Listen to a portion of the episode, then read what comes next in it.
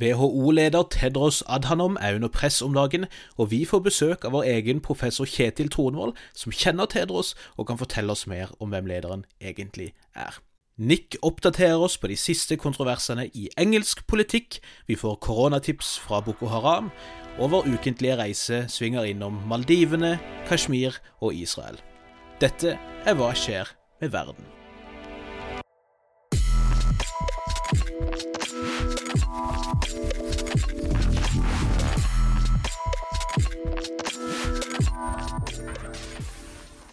Hei og god formiddag til deg, Nick. Hei, hei. Du er på kontoret på sedvanlig vis med full eh, Everton-drakt på deg i dag, faktisk. Eller ikke faktisk, det er jo ikke overraskende. Det som er litt overraskende, er at du faktisk har på deg shortsen òg nå. Så varmt har det blitt i hovedstaden, altså. Ja, nei, eh, Hvis vi nå får en, en sommer som overgår alle somrene vi har hatt, så kan du enten se på det som et eh, tegn på at eh, den globale oppvarminga har gått mye lenger enn vi har håpt, eller at Gud fortsatt er norsk. Ja, jeg må jo si jeg heller mot det siste, men det, det vet du jo. har du kontroll på kaffe, kaffebeholdninga? Nå har vi begynt å bli så mange på jobb at det faktisk er orden på kaffen. Det er godt å høre. Vi, vi er faktisk nå etter hvert begynt å bli så mange at vi vurderer om noen må melde seg inn i Venstre, slik at vi kan opprettholde den nødvendige sosiale distansen. ja, for det er ikke så mange Liverpool-supportere på jobb, faktisk. Så da er det andre tiltak som må til. Ja, det er, eh, ikke, det er, det er ikke tilstrekkelig at vi alle bruker personligheten vår som det ville ha vært hvis vi hadde vært nok Liverpool-supportere. Vi ser jo i disse dager, eh, i disse koronatider, for å bare gni det inn, at eh, det er mange som mener eh, mye om, eh, om eh, mangt, Nick? Ja, eh, og særlig har vi jo sett en enorm vekst i IR-analysene. Det, det, er gode dager for IR-ekspertene etter at de med det samme krisa brøt ut, ble opplevd som fullstendig irrelevante så uh, har de nå kommet tilbake with a vengeance og tenker høyt og lenge og mener nøyaktig det de alltid har meint, men som vi har også vært inne på før, nå er det fordi korona. Yes, og for lekfolket der ute så betyr IR altså internasjonale relasjoner. Og det er jo et felt som allerede er kjent for uh, en uh, høy prosentandel sjarlataner, kan vi si det sånn, Nick? Du som statsviter har vel Unnskyld! Historiker. Oi, oi, oi. Eh, du må vel ha lov til å si det? Si det. Ja, altså, vi historikere mener at alle statsvitere er sjarlataner per definisjon. Nettopp. Nettopp.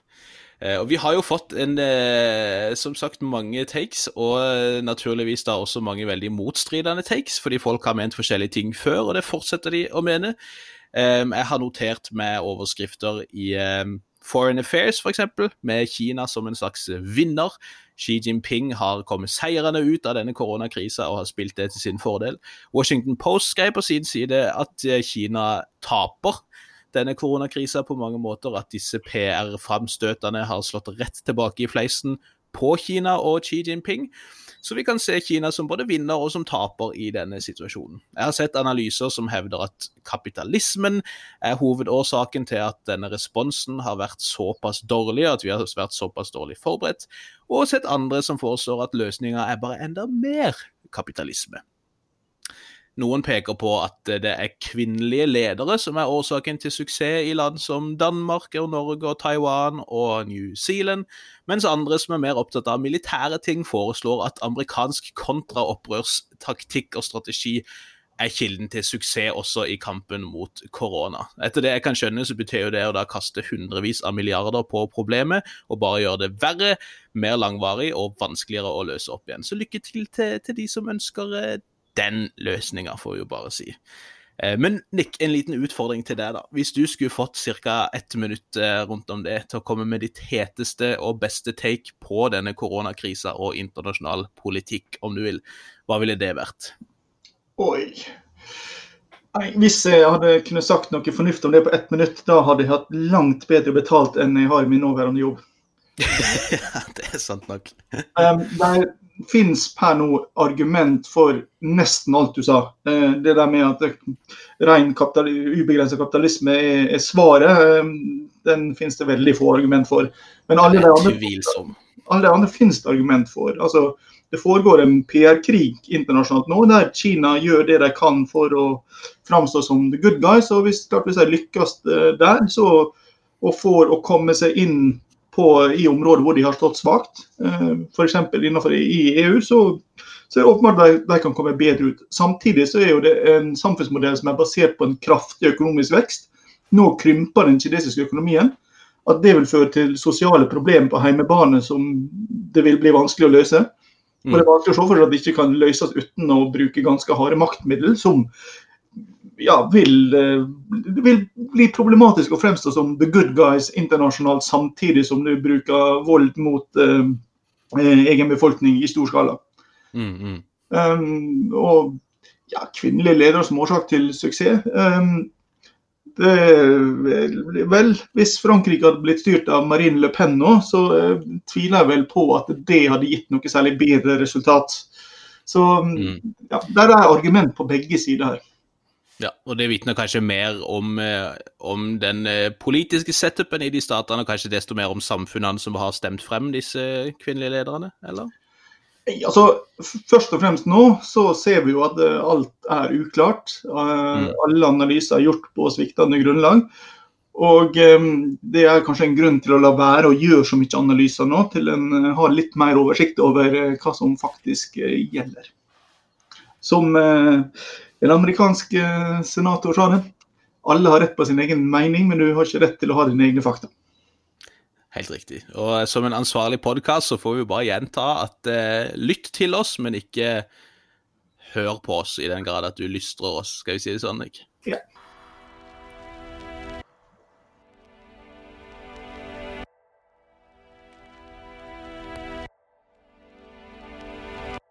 Neste del av denne podkasten har vi valgt å kalle en eh, slags roundup av uken som var, eller av siste nytt. Det er jo litt det vi ønsker å gjøre i denne podkasten. Og eh, da vil jeg jo eh, la det få starte denne ukens lille roundup med noen nyheter fra britisk politikk, eller engelsk politikk mer spesifikt, Nick. Ja, eh, den nye lederen i Labour, Keir Starmer, har jo fått mye oppmerksomhet fordi han gikk ut veldig klart og sa at nå må vi rydde opp i problemet med antisemittisme. Det kom en eh, rapport, rett og slett, eh, det kom en lekkasje av en rapport om antisemittisme i Labour for en knapp uke siden. Og den ga et litt annet resultat enn det folk hadde forventa på forhånd. Hva, hva hadde folk forventa, for å spørre om det? Nei, altså vi, vi, må kanskje forklare bakgrunnen for dette problemet. Mm. Eh, når Jeremy Corbyn kom inn, og hans folk kom inn og tok over eh, ledelsen av partiet, så åpna de opp igjen, eller de gjorde lettere å bli medlem i Labour. Det førte mm. til at en god del folk som hadde blitt ekskludert på slutten av 80-tallet og tidlig 90-tallet, nå fikk eh, komme inn igjen og bli medlemmer. Grunnen til de hadde blitt ekskludert, var jo at uh, de hadde en del uh, meninger og synspunkt som uh, ikke nødvendigvis var i tråd med verdigrunnlaget til Labour. Bl.a. når det gjelder syn på jøder. Mm. Og så altså, Det som skjedde der, det var for å bruke en metafor som en medlem av Anders Langes parti, nå Frp, i sin tid brukte. Når du setter ut ei fjørslukt i høstnatta, så er det mye rart som kommer flygende. Og, ehm, eh, så her, her, får du da eh, inn veldig masse nye medlemmer eh, på, stor, på ras, veldig raskt. Eh, det er veldig lite kontroll med hvem som kommer inn. Eh, partiapparatet er ikke skalert for å håndtere så mange medlemmer. Mm. Og ehm, det skaper problem. Eh, min favoritt der er jo Derek Hatton, som var leder for det såkalte militante byrådet i Liverpool på, på 80-tallet, som gikk i full, til full krig mot eh, Thatcher. Eh, han varte i fire dager før han ble ekskludert igjen for antisemittisme. Ja, ikke sant. Gratulerer. Eh, så, så, så, dette er liksom situasjonen som, som skaper et, et, problem i Labour.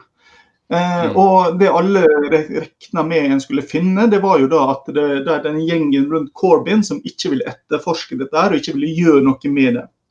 Det mm. rapporten derimot fant, det var at det var um, restene av det, du kan si, det, det gamle regimet, bleristene på partikontoret, som aktivt saboterte det å gjøre noe med disse problemene. Altså Alle klager som kom inn, ble egentlig bare uh, skyvd til side, fordi en regna med at det ville få partiledelsen til å framstå i et dårlig lys. Og Det som umiddelbart nå har skjedd, det er at en av de som skulle være sentrale i det nye Keir Stammer-regimet, uh, Ian McNichol, som skulle være sånn såkalt front, frontbencher i Overhuset, mm. har blitt suspendert. Ja. Og Det kommer antageligvis til å bli satt ned en ny granskingsutvalg som skal gå gjennom funnene i denne rapporten. her, og eh, Mest sannsynlig så vil en del, god del flere til dels sentrale Labour-medlemmer i hvert fall risikere å bli kasta ut av partiet nå. Så dette har da blitt brukt av skal vi si, i forrige generasjon Labour-medlemmer for å svartmale dette Corbyn-regimet, om du vil? Ja, altså det, det Granskingsutvalget har hatt tilgang til WhatsApp-grupper og e-poster, altså alt sånn mm. som har vært lagra internt. Og Det en mm. viser der, det er at uh, denne gjengen, særlig på partikontoret, aktivt, særlig i valgkampen i 2017, saboterte og motarbeida Corbyn. Og uh, Det har jo vært spekulert i om uh, altså I 2017 kom han ganske nær ved å, å, å vinne valget. Mm. Og, og, det at du da har en sentral gruppe i partiet som så aktivt gikk inn og saboterte, ja, kanskje, kanskje, var det nok. Corbyn-tilhengerne mener jo at det, her, her, var det som gjorde at en tapte i 2017. Ikke sant. Så nå får vi ei metagranskning rett og slett, som vi må følge med på eh, fremover. Og så får vi prøve å komme med en litt sånn mer eh, dyptgående analyse av hva som skjer eh, der. Kan du si forresten, veldig kort, så har det jo vært eh, en del reaksjoner, kanskje fra uventa hold også, mot eh, Johnson-regjeringa sin håndtering av denne koronakrisa?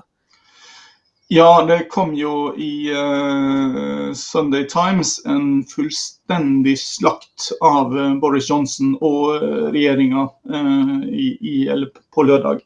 Mm. Um, og det det viser seg, det er jo at Johnson sjøl han prioriterte å dra på ferie.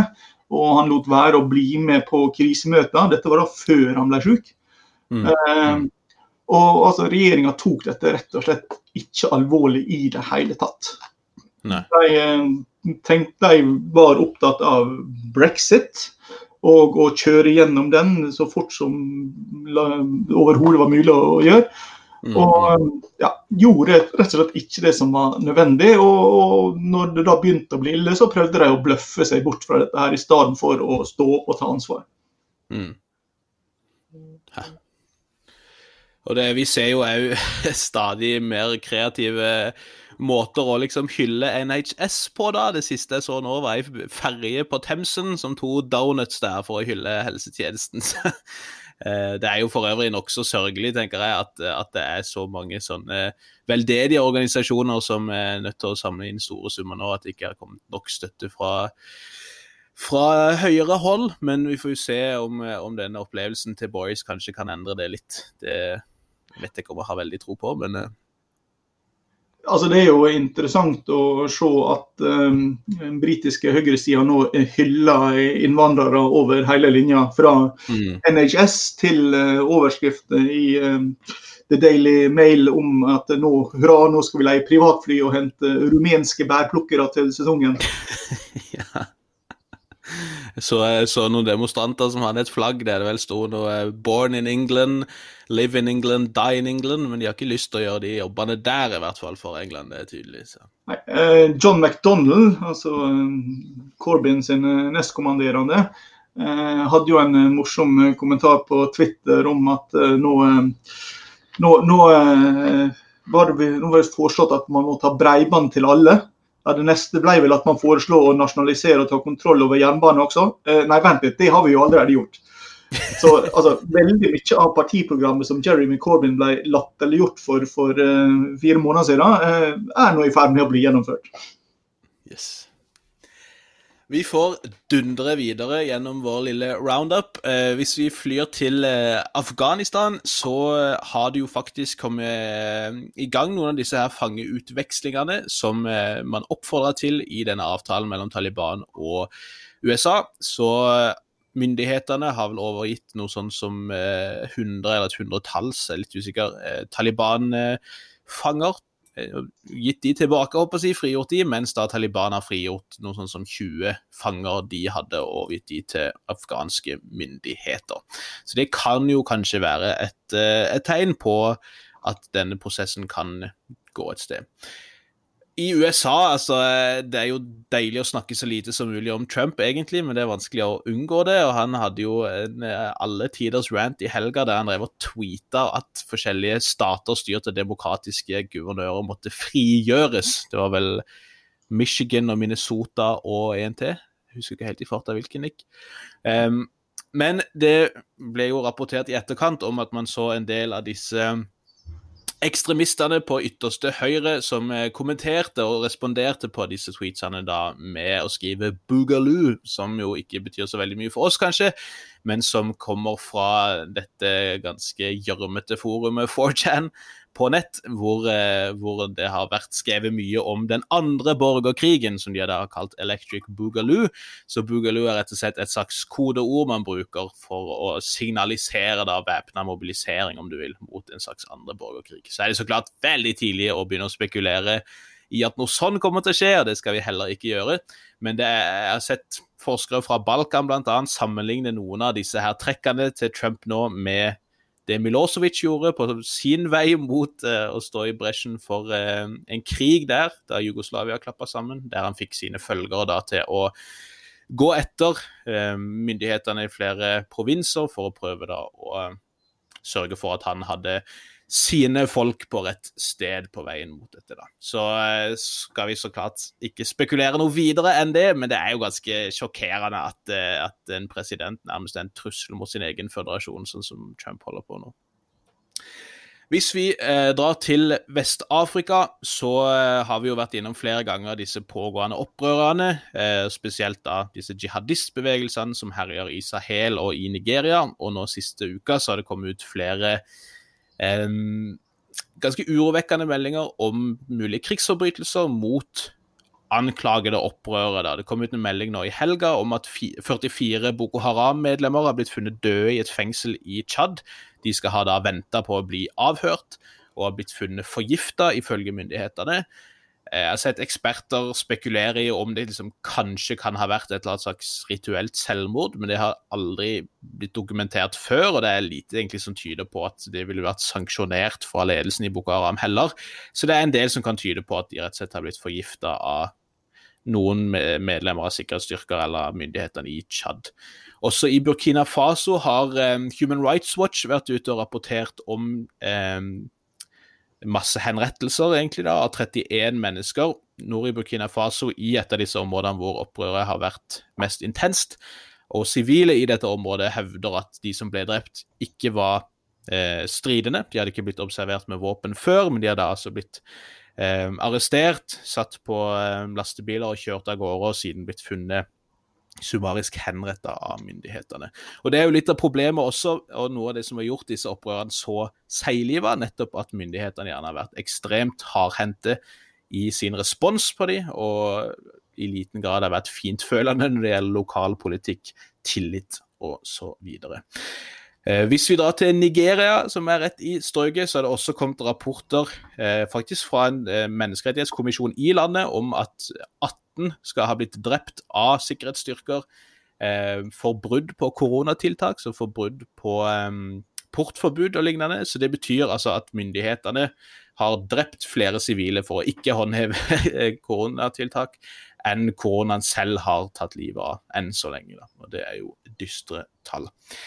Eh, hvis vi holder oss til eh, IS, som vi for så vidt har vært eh, innom sånn cirka her, så kan vi melde om et IS-angrep på Maldivene, faktisk. Det har jo flere ganger vært ja, det har kommet propaganda derfra, eller det har kommet liksom trusler fra IS-celler der, men dette er vel et av de første rapporterte angrepene jeg vet om. Det var riktignok ingen som ble drept, men fem båter ble ødelagt, og de skal visst da ha tilhørt dette vantro regimet, ifølge de som sto bak angrepet. Det som er verdt å nevne i den forbindelse, er at det gikk veldig kort tid fra angrepet faktisk skjedde, til at IS sentralt dunka ut um, sitt nyhetsbrev, eller altså sine oppdateringer om dette her, som da antyder at det er antageligvis forholdsvis nær kontakt mellom disse cellene på Maldivene og propagandaapparatet, om du vil, til IS. Da. Også på Filippinene har uh, gruppa som tidligere ble kjent som Abu Sayyaf, som nå kjennes som ISS Øst-Asia-provins, stått bak et angrep mot uh, uh, regjeringssoldater. Det er noe sånn som elleve soldater skal ha blitt drept, og et dusin eller mer til har blitt skadd da, i et bakholdsangrep der. Et område som ikke har fått så mye oppmerksomhet i det siste, men som var mye i nyhetene i høst, er jo Kashmir. Dette omstridte området som ligger da i skvisen mellom eh, India, Pakistan og Kina. Og også der har det vært en økning i eh, antall angrep og trefninger i den siste tiden. Eh, myndighetene her, altså fra indisk hold, da, var nylig ute i media, så må man kanskje ta det med en klype salt, men, men de ytret da bekymring over fremveksten av det de sa var en ny gruppe, som de kalte The Resistant Front. Jeg vet ikke om det skal være The Resistance, kanskje, men det ble i hvert fall beskrevet som The Resistant Front, eller TRF. Eh, en gruppe som myndighetene hevder er en slags ny gren av en mer kjent gruppe som heter Lashkar-e-Taiba. Lashkar-e-Taiba er jo en eh, veldig brutal islamistisk gruppe som lenge har kjempa for eh, eh, Kashmir-sak, og vel for å innlemme den i Pakistan. De sto blant annet bak et ganske kjent angrep i Mumbai i 2008 som krevde mange liv. Og Ifølge myndighetene så antar man at denne gruppa, som har fått veldig mye internasjonal oppmerksomhet og er registrert som en terrororganisasjon eh, både i USA og i EU og FN osv., at de skjønner at de vil ta for mye oppmerksomhet hvis de begynner å blande seg inn i dette her nå, sånn at man heller da har fått denne nye grupperinga til å ta over stafettpinnen, om du vil. Eh, det har vært flere trefninger tidligere i april, bl.a. en eh, hendelse hvor fem indiske soldater ble drept og fem opprørere skal ha blitt drept. Det har også vært flere tilfeller der sivile har blitt drept av ukjente grupperinger, som man kanskje antar kan ha vært denne her The Resistant Front.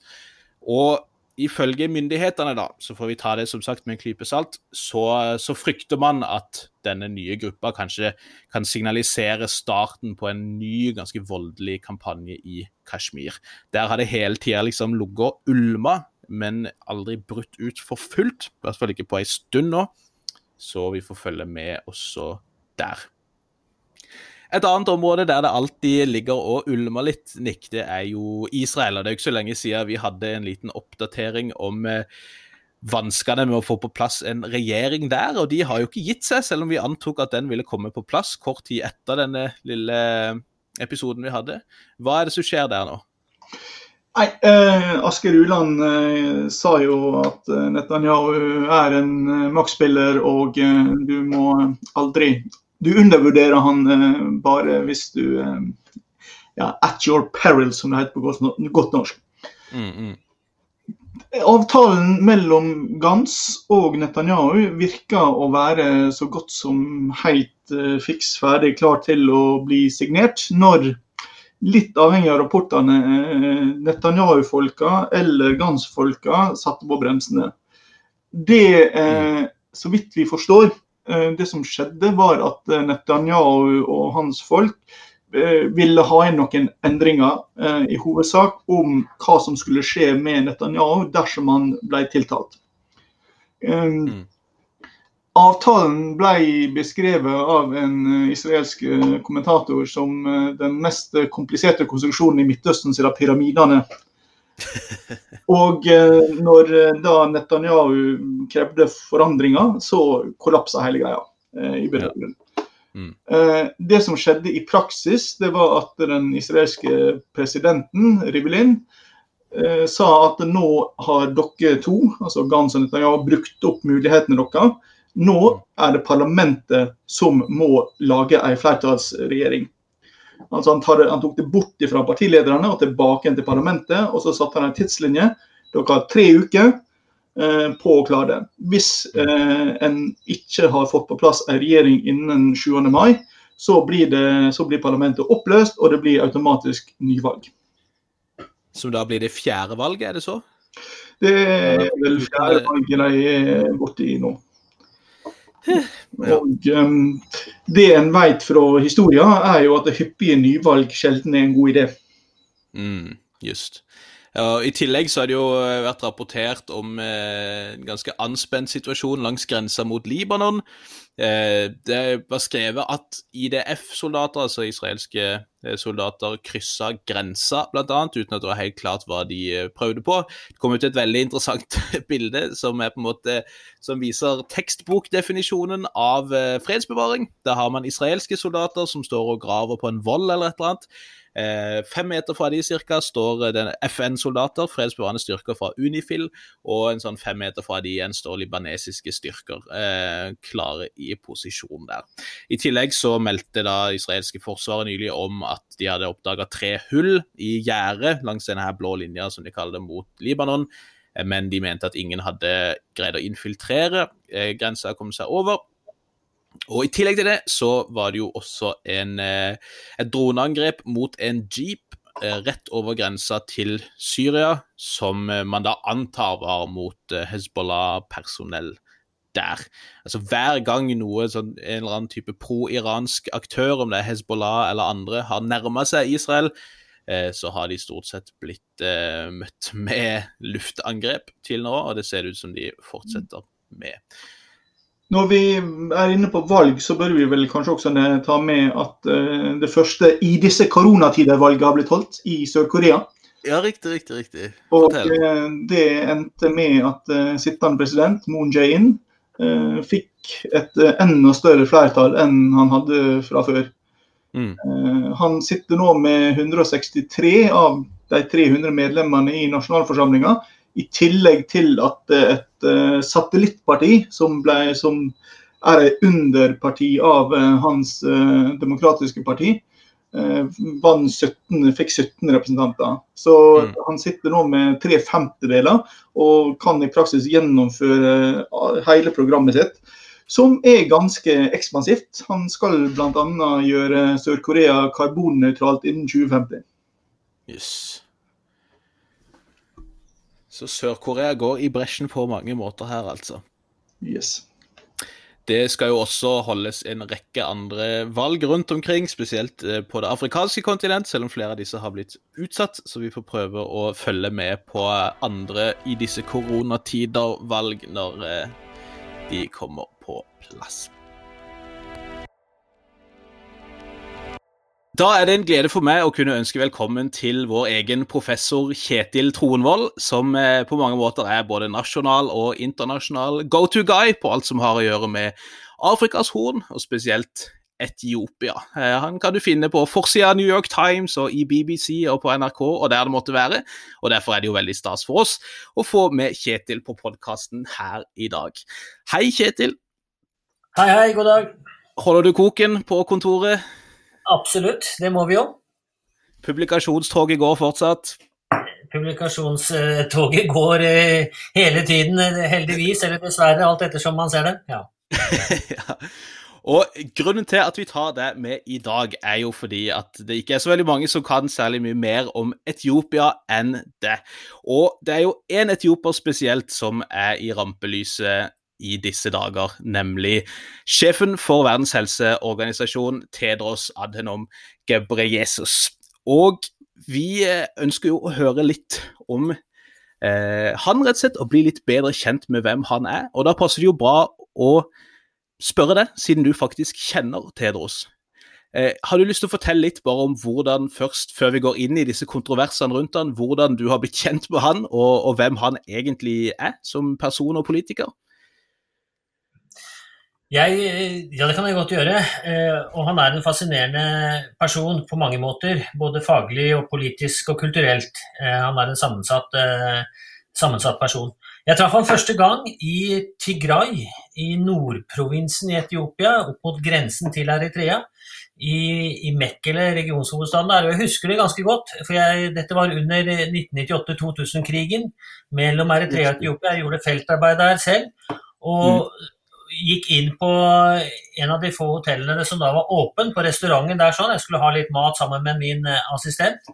Og mm. der sitter da hele den regionale eliten, eh, politiske eliten og militære eliten og spiser middag selv.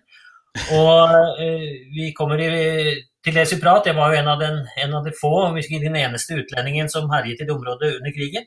Mm. Og en av dem var jo da Tedros, eh, som da jobbet som eh, i da det som heter Bureau of Health, altså det regionale helseministeriet. Eh, mm. Hvor han da var kommet tilbake. Han holdt jo da på med sin doktorgrad i London, egentlig, i, i Community Health, eh, og, eller i England. Men var da til mm. stede eh, og jobbet da også i, i helseministeriet i Tigray-regionen. Og det var det første møtet, men så treftes vi relativt jevnlig. Og også da etter at han ble helseminister, men også særlig da utenriksminister i Etiopia senere, i 2012. Jeg har fortsatt jo med min forskning på Etiopia, og han var en nær kontakt i så måte. Mm. Alltid imøtekommen og alltid åpen, og dermed mm. skiller han seg veldig ut fra sine eh, compatriots i systemet der nede. Nettopp, nettopp. Så ryktes jo at han har et lite kallenavn på det også. ja, han fleipet med det selv når han var på uh, offisielt besøk her i Norge, faktisk. Under en uh, offisiell middag i UD, hvor, hvor, jeg også er invitert. Hvor han, hvor han uh, kommenterte og fleipet og kalte meg på tigrinja. Det som betyr dolk, eller dagger. for det høres nesten ut som Kjetil. Ja, og det var derfor han brukte det. og den overførte betydning er jo det som han sa, at eh, Kjetil er jo en av våre lange venner. i anførselstegn. Han er som en dolk fordi han stikker oss hele tiden i siden med sine akademiske artikler av kritikk. Demokrati og menneskerettighetsbrudd. Eh, men han hadde en joking eh, tone på det, og, mm. og, det sier jo også litt om, om den karakteren han er, da. Mm. Ikke sant. ikke sant.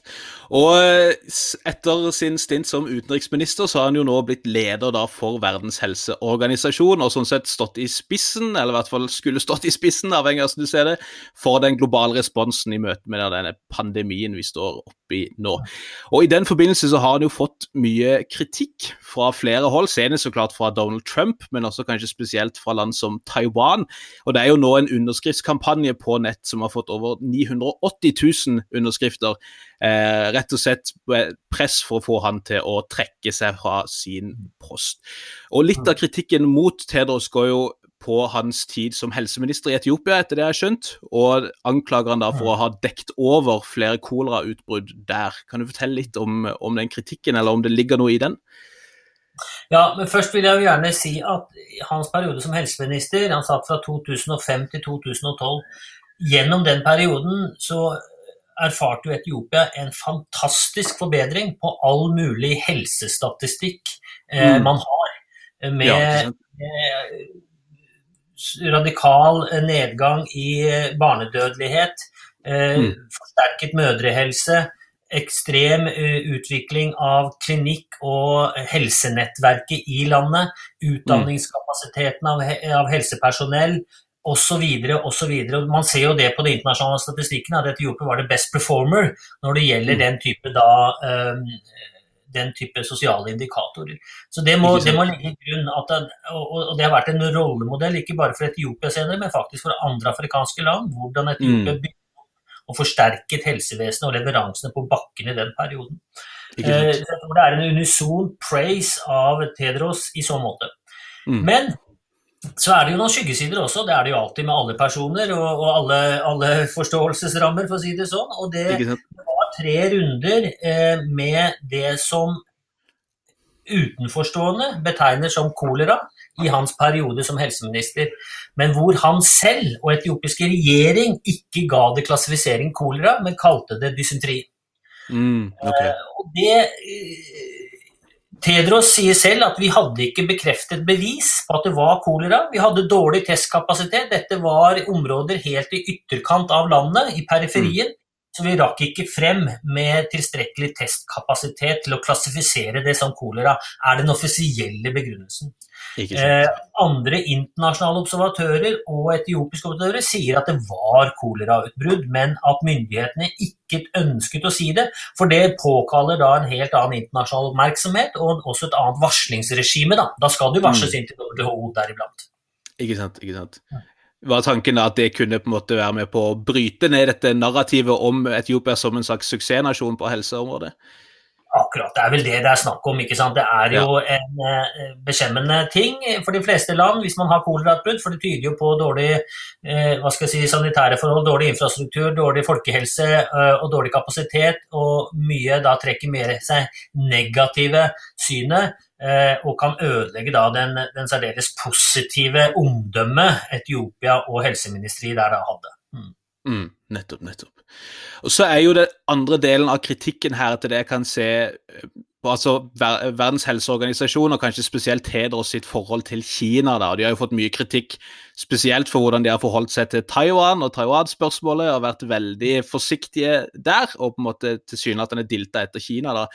Eh, og Da er det kanskje mer relevant å se på Tedros sin periode som utenriksminister, men, men vet vi noe på en måte som er verdt å nevne i denne forbindelse om hans forhold til Kina og Kinas politikk her? Du, eh, det er jo et nært forhold mellom Kina og Etiopia. Mm. Under RDF, altså under det eh, partiregimet eh, som var regjeringspartiet inntil nå. Nå er det jo et omformet regjeringsparti. Hvor ideologisk, politisk, økonomisk hadde et tett samarbeid. Særlig fra 2005 og fremover.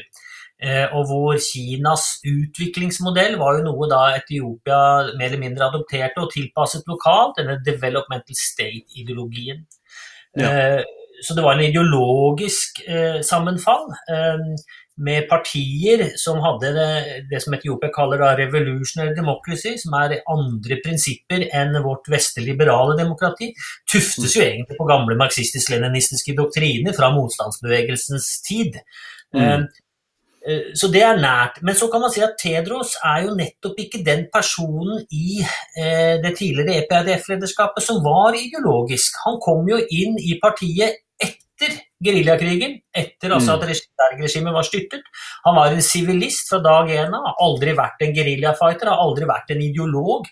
Og Nei. nettopp hans tid i partiet, så ble han jo kritisert fra hva skal jeg si, den hardlinerne i partiet som må være altfor myk, altfor åpen, ja. altfor liberal og altfor vestlig. Og fleksibel, rett og slett. Og fleksibel, rett og slett, ja. ja. Så at han blir beskyldt for å være en Kina-ideolog eh, eller kollaboratør, er jo litt mm. eh, parodisk i så måte. Ja, Men du kan jo si at det, den nærheten mellom de to regjeringene er der, men så er det jo også sånn at WHO-lederskapet er jo en ekstremt Altså som alle de store FN-agencies, det er en ekstremt eh, politisert kontekst de jobber i. Så kan man mm. huske at den tidligere WHO-direktøren, hun var jo kineser. Mm. Eh, og det er en stor eh, hva skal jeg si, denne nye geopolitiske virkeligheten vi er inne i, hvor maktforholdene og maktbalansen på dette nivået og de institusjonene er i omveltning. Fra mm. en mer USA-kontrollert og dominert utpeking til andre aktører som kommer inn og fyller opp i disse agencyene. Og Det er litt av grunnen til at USA også trekker seg ut, og Kina kommer inn. Eh, og Kina er jo mye mye mer til stede på den internasjonale arenaen enn noen gang før. Um, og så er det da denne lille interessante bikonflikten her, hvis man kan kalle det det. Det er jo mm. Kina-Taiwan-konflikten i dette. Og hvor hvor da Tedros og hans embete har blitt eh, eh, rotet inn i det. Og, og, Kort fortalt er jo det at Taiwan er jo det landet i verden som har hatt mest suksess med å temme og stoppe opp koronautbruddet. Mm. Uten bruk av tvang. Uten Nettopp. bruk av innlåsing og, og sanksjoner. Rett og slett med sporing og sivil lydighet og, og koherens i systemet. Så har mm. de greid det ingen andre land har greid. Og de ligger next door til den kinesiske kysten med mye trafikk frem og tilbake. Det ønsker ikke Kina skal komme frem. Og Taiwan er aldri representert på noen offisiell statistikk når man ser på de best performing countries som WHO mm. produserer. Taiwan er aldri der. Nettopp fordi Taiwan ikke er anerkjent som et suverent land mm. det systemet. ikke sant? Og der ligger jo kimen til konflikt. Og så eh, er det en del andre ting som har kommet opp i samme eh, i, i, i, samme hva skal jeg si, eh, gryte. En del rasistiske eh, mm. diskusjoner mot eh, Tedros, som jo er den første afrikaner som bekler dette embetet. og da USAs egen pushback mot Kina og ønsker en, en syndebukk og peker da på Tedros i den sammenheng. Og alt dette sauses sammen. Mm. Og hvis du så I forrige uke så var det en pressekonferanse hvor Tedros sto frem, hvor han i og for seg sprakk på dette punktet, og, og mm. da gikk i clinch med eh, denne kritikken, denne rasistiske kritikken, og også da, ganske bemerkelsesverdig, pekte jo på og avslørte at det er Taiwan som er initiator til denne, mm. Denne drittpakken, for å bruke det uttrykket, som er kastet på ja. Tedros. Og han sa jo til med at han har fått dødstrusler også. Han har sikkert fått masse dødstrusler, det er vel vanlig nivået. Men, mm. men, men, dette er altså storpolitikk bekledd i rasistiske og drittpakkeformer. Mm. Ja, ja, ja. Og så sa han jo i denne pressekonferansen også at tross alt det her, I don't give a damn, sa han vel. Eh, og til slutt, sånn som du kjenner han eh, og fra hans karriere, tror du han greier å ri av denne stormen? Eller tror du han kan ende opp med å bli et slags eh, offer eller en syndebukk som må vike eh, som en konsekvens av denne slags propagandakrigen som vi, vi, står i nå? Ja, det er jo en propagandakrig i aller høyeste grad. Jeg tror nok eh, nettopp fordi hovedaktøren her er Trump på den ene siden, og mm. Taiwan som er ikke-suveren enhet på den andre siden, så er de ganske hva skal jeg si, eh, på den ene siden marginale, men også uglesette aktører, da, særlig Trump. Mm. ikke sant? Du mm. ser jo da de vestlige aktørene, andre vestlige aktører. Irland gikk jo ut her og sa at vi, vi tredobler vårt bidrag til WHO nå, etter at USA trakk seg ned. Norge mm. har vel også signalisert en innsats, og andre europeiske land sier at dette er uaktuelt. Selvfølgelig skal vi støtte WHO. Det er nå vi trenger WHO, og et sterkt WHO. Og ingen skal jo komme og si at dr. Tedros ikke er kvalifisert. Han er vel kanskje den best kvalifiserte noensinne til å takle dette. Han, jo, han har jo en mastergrad i, immunologi og, og, og smittespredning, eh, mm. i tillegg til en doktorgrad i, i community health, um, som jo passer bedre enn å bare være en medisinsk doktor nå. Så, så det, det, det er, han er jo særdeles kompetent og kakibel til å, til å holde den stillingen. Men mm. Eh, det er storpolitikk, som sagt, og, eh, og, man vet jo aldri hvor sterkt press da USA vil videreføre mot han eh, personlig og WHO institusjonelt for å få den syndebukken Trump trenger til sin egen hjemlige politikk. Nettopp, nettopp. Det blir veldig spennende å følge med. Vi får si tusen takk for at du tok deg tida. Og eh, du er jo eh, stadig vekk i media, som vi har snakket, og du publiserer jo i et voldsomt tempo, og det kommer vel til å fortsette nå. Det er jo utsatt, riktignok, dette valget i Etiopia. Men hvis folk ønsker å følge med på det du driver med og eh, ditt arbeid, hvor er det enklest å finne det? Eh, jeg kommenterer vel mest fortløpende på min Twitter-konto, at Kjetil Tronvold. Eh, ellers så er det mer fagtidsskrifter eh, i, i annen rekke. ja. Riktig. Da kan vi kanskje anbefale Twitteren i denne omgang. Takk skal du ha. Vel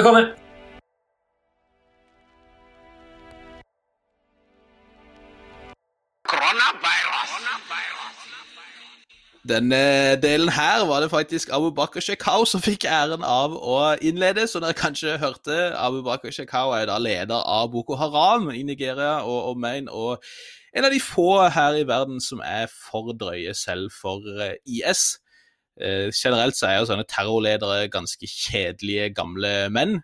Hvis du prøver å se en film med Ayman al-Zawahiri som leder Al Qaida, f.eks., så kommer du til å sovne, antageligvis. Shekau er en av de eneste som for meg fremstår nærmest liksom klinisk eh, ko-ko. Han er så vill som sagt at ikke engang IS vil ha med han å gjøre, men han er jo en leder, og som leder så må man jo mene å gjøre et og annet om eh, koronaviruset, da, så klart. Og uh, i den, det lille klippet jeg akkurat starta her, så forteller jo Chicago om sitt aldri så lille antikoronavirus. da. Eh, det er rett og slett et segment om eh, hvordan de håndterer viruset, og det er ved å tro på Allah, som er Boko Harams antikoronavirus. Så det er jo en, eh, en, løsning, om ikke en god løsning. Men vi var jo inne litt på dette med lederskap i koronakrisa i starten. Der vi snakka om bl.a. disse kvinnene da, som, som får noe av æren for at stater som Norge, Danmark, New Zealand f.eks. har håndtert dette godt. Hva vil du flagge, hvis du skal kort snakke litt om hvordan lederskap har kommet til uttrykk på veldig forskjellige måter i denne koronakrisa, Nick? Altså, jeg er skeptisk til å kjønne dette spørsmålet altfor mye. Mm. Eh, fordi, som vi nevnte i innledninga vår, eh, hvis Marine Le Pen hadde vært eh, president i Frankrike, så hadde det neppe gått eller sett like bra ut som det gjør med Macron. Det kunne man kanskje sagt om Alternativ for Deutschland også? Ja, det definitivt. Og, og, du kan si det, det, som skiller Macron fra mange av de mannlige statslederne som har havnet i problem, er jo for det første at han faktisk innrømmer at han har tatt feil. Han framstår som ydmyk. Mm. Han framstår som uh, kunnskapsorientert, og at han lager en politikk basert på fakta. Og han framstår som han er ærlig med det franske folket. Han prøver ikke å skjule noe, han har ikke sin egen agenda. Han, han prøver å gjøre det beste for fellesskapet. Han framstår som han, for å si det med Bill Clinton, føler smerter til folket sitt. Eller så er han en First Price Napoleon som bare avventer eh, til å fylle vakuumet etter Trump og kompani her. Ja, det kan man jo selvfølgelig spekulere i. Men eh, du kan si at denne type krise setter jo ting veldig mye på spissen. Og den ser er jo at disse populistene, om det er Bolsonaro, om det er Trump eller om det er Boris Johnson, sliter med å forholde seg til denne virkeligheten. Mm. Det handler om at deres måte å håndtere alt som skjer på, er å um, avlede oppmerksomheten. Altså, Mm. Satse på at nyhetssyklusen alltid blir fylt opp med noe annet. Du kan alltid flytte deg videre og videre og videre. Og videre. Uh, og du trenger ikke være ærlig eller oppriktig, eller noe som helst, fordi det, du, du trenger bare å skape nok støy hele tida, slik at alt drukner. Problemet nå er at alle er opptatt av én ting. Du kommer ikke Mm. deg forbi måten du håndterer denne ene tingen på, som er Mm. åpenbart den, den pågående pandemien. Og da blir det faktisk viktig at du framstår som kompetent, at du framstår som ærlig, og at du framstår som empatisk. Dette er ikke egenskaper som eh, disse høyrepopulistiske lederne klarer. Eh, Angela Merkel er jo ikke det varmeste mennesket i verden, men på den ene sida, hun, hun er en forsker, hun, sant, hun er kompetent. Mm. Eh, hun gikk på butikken og handla som alle andre. Eh, hun eh, ble satt i karantene når legen hennes eh, ble oppdaget at han hadde koronasmitte, som alle andre. Altså, eh, og, og eh, dette går jo da igjen med de statslederne som har håndtert, eller som foreløpig ser ut som de håndterer krisa veldig bra. De, ja, igjen, de prøver ikke å utnytte det her for egen politisk vinning. De framstår som om de er opptatt av det felles beste. Mm. Og Et annet problem for disse høyrepopulistene er jo gjerne at frykt stort sett er trikset de bruker, men eh, det er jo ikke frykt folk ønsker mer av akkurat nå.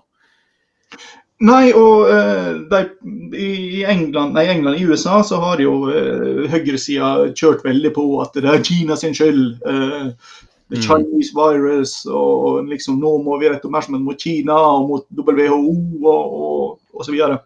Mm. Og det, du kan si at dette har jo en viss eh, evne til å mobilisere, eh, men, men problemet er jo at eh, i, sånn, folk er mer enn redde nok. Det er ikke det de har. Og, så- og så har du jo den andre sida der, så, så forstår jo Trump og Boris Johnson dette på, eh, på sett og vis. Så Mm. Boris Johnson, det, og, og da prøver de å være optimistiske og, og komme med at vi skal klare dette her, og det, det skal gå vi, bare vi får denne vaksina. og Trump har jo hatt denne vidundermedisinen som de nå har måttet stoppe prøv, utprøving av flere plasser fordi det viser at folk får hjerteinfarkt. Det er jo ikke en nødvendigvis god sideeffekt. Grunnen til at han nå dro fram igjen Sverige på pressekonferanser nå i helga, er jo antageligvis at Sverige stoppa utprøving av vidundermedisin. Eh, vil, Ja. vil jeg anta. Ja, ja, ja. Um, så, så du kan si at det u, altså, denne optimismen som ikke da er basert på ærlighet, Mm. skaper jo da i neste omgang et problem. Så, og, og de klarer ikke å finne balansen mellom det å skape frykt og det å skape optimisme. Eh, og så havner, står de med beina i, i begge disse leirene her og, og framstår som uautentiske eller uærlige. Så de blir rett og slett avslørt på mange måter. Altså Det gjenstår jo å se. Eh, I USA skal vi ha valg til eh, høsten. Eh, I Storbritannia er det fem år til neste valg. I Brasil er det vel også ganske lenge til neste valg. Mm. Um, så hva de langsiktige konsekvensene her blir, det er nesten umulig å, å spå. Og det er klart at det også De landene som nå fremstår som de håndterer det veldig bra, så vil det komme et granskninger. Og det vil komme opp misnøye, og det, og det vil bli eh, en si, propagandakrig eller kamp om historien. Ja, ja, ja. Og hvem som kommer best ut der. Særlig når vi tenker på at det- den økonomiske krisa skal løses etterpå. Nettopp. Og det er jo der, kanskje, der de ikke oppleves veldig relevante nå, disse på ytterste høyre, så er det jo en stor fare for at de kan eh, finne gehør igjen når, eh, når denne krisa slår inn for fullt etterpå. da. Ja, altså Nigel Farage i eh, Storbritannia har plassert seg ganske bra. Han var tidlig ute med å kritisere regjeringa, fikk ikke så veldig mye oppmerksomhet da. Men altså den, han har kommet med denne kritikken, og, og eh, det kan han vise. At eh, sant, han var mer kompetent, han forsto dette tidligere. Mm. I Tyskland så har alternativet for Deutschland ligget veldig, veldig lavt. Mm. Eh, Men eh, i det øyeblikket eh, man skal begynne å gjøre noe med at eh, hundretusener av millioner er arbeidsledige, vel, da dukker de opp igjen. Eh, Og du kan si at hvis staten, altså fellesskapet, ikke klarer å framstå som kompetente, som, som løsningsorientert, at de klarer å gjøre noe med de problemene som vanlige folk møter, ja, da vil folk gå til disse ekstreme alternativene. Det, det har vi sett før. Mm. Altså, kommer staten til å framstå som kompetent, eller som dumsnill eh, overfor kapitalistene? Nettopp. Vi går med andre ord spennende tider i møte. Og dette var jo faktisk alt vi rakk i dag, Nick. Vi kommer jo tilbake igjen eh, neste uke, og så har vi jo noen eh, spesialepisoder på gang også. Eh, Har du lyst til å fortelle bitte litt om hva du har planlagt for noe for fremtiden? Ja, eh, i neste uke så kommer vår spesialpod 'After the Burn'. Hva skjer med den progressive venstresida i USA etter at Bernie Sanders avslutta sin kampanje for å bli president? Mm. Og eh, så er det jo snart et eh, nytt eh, krigsjubileum, 8. mai. Yes. Og da vil eh, Bernt og jeg ta opp igjen spørsmåla knytta til frigjøringa og etterkrigsoppgjøret osv. Så vi har mye å glede oss til, med andre ord. Eh, takk for følget nok en gang. Takk for oss. Og eh, så vil vi igjen oppfordre dere til å følge oss der dere laster ned podkaster. Gi oss gjerne så mange stjerner dere kan stå inne for på iTunes. Og følg vår aldri så lille YouTube-kanal internasjonal for annet innhold der. Vi kommer tilbake sterkere der når vi alle er tilbake igjen på våre kontorer, så derfor følger med der også. Takk for det, Nick. Takk, takk. Vi snakkes.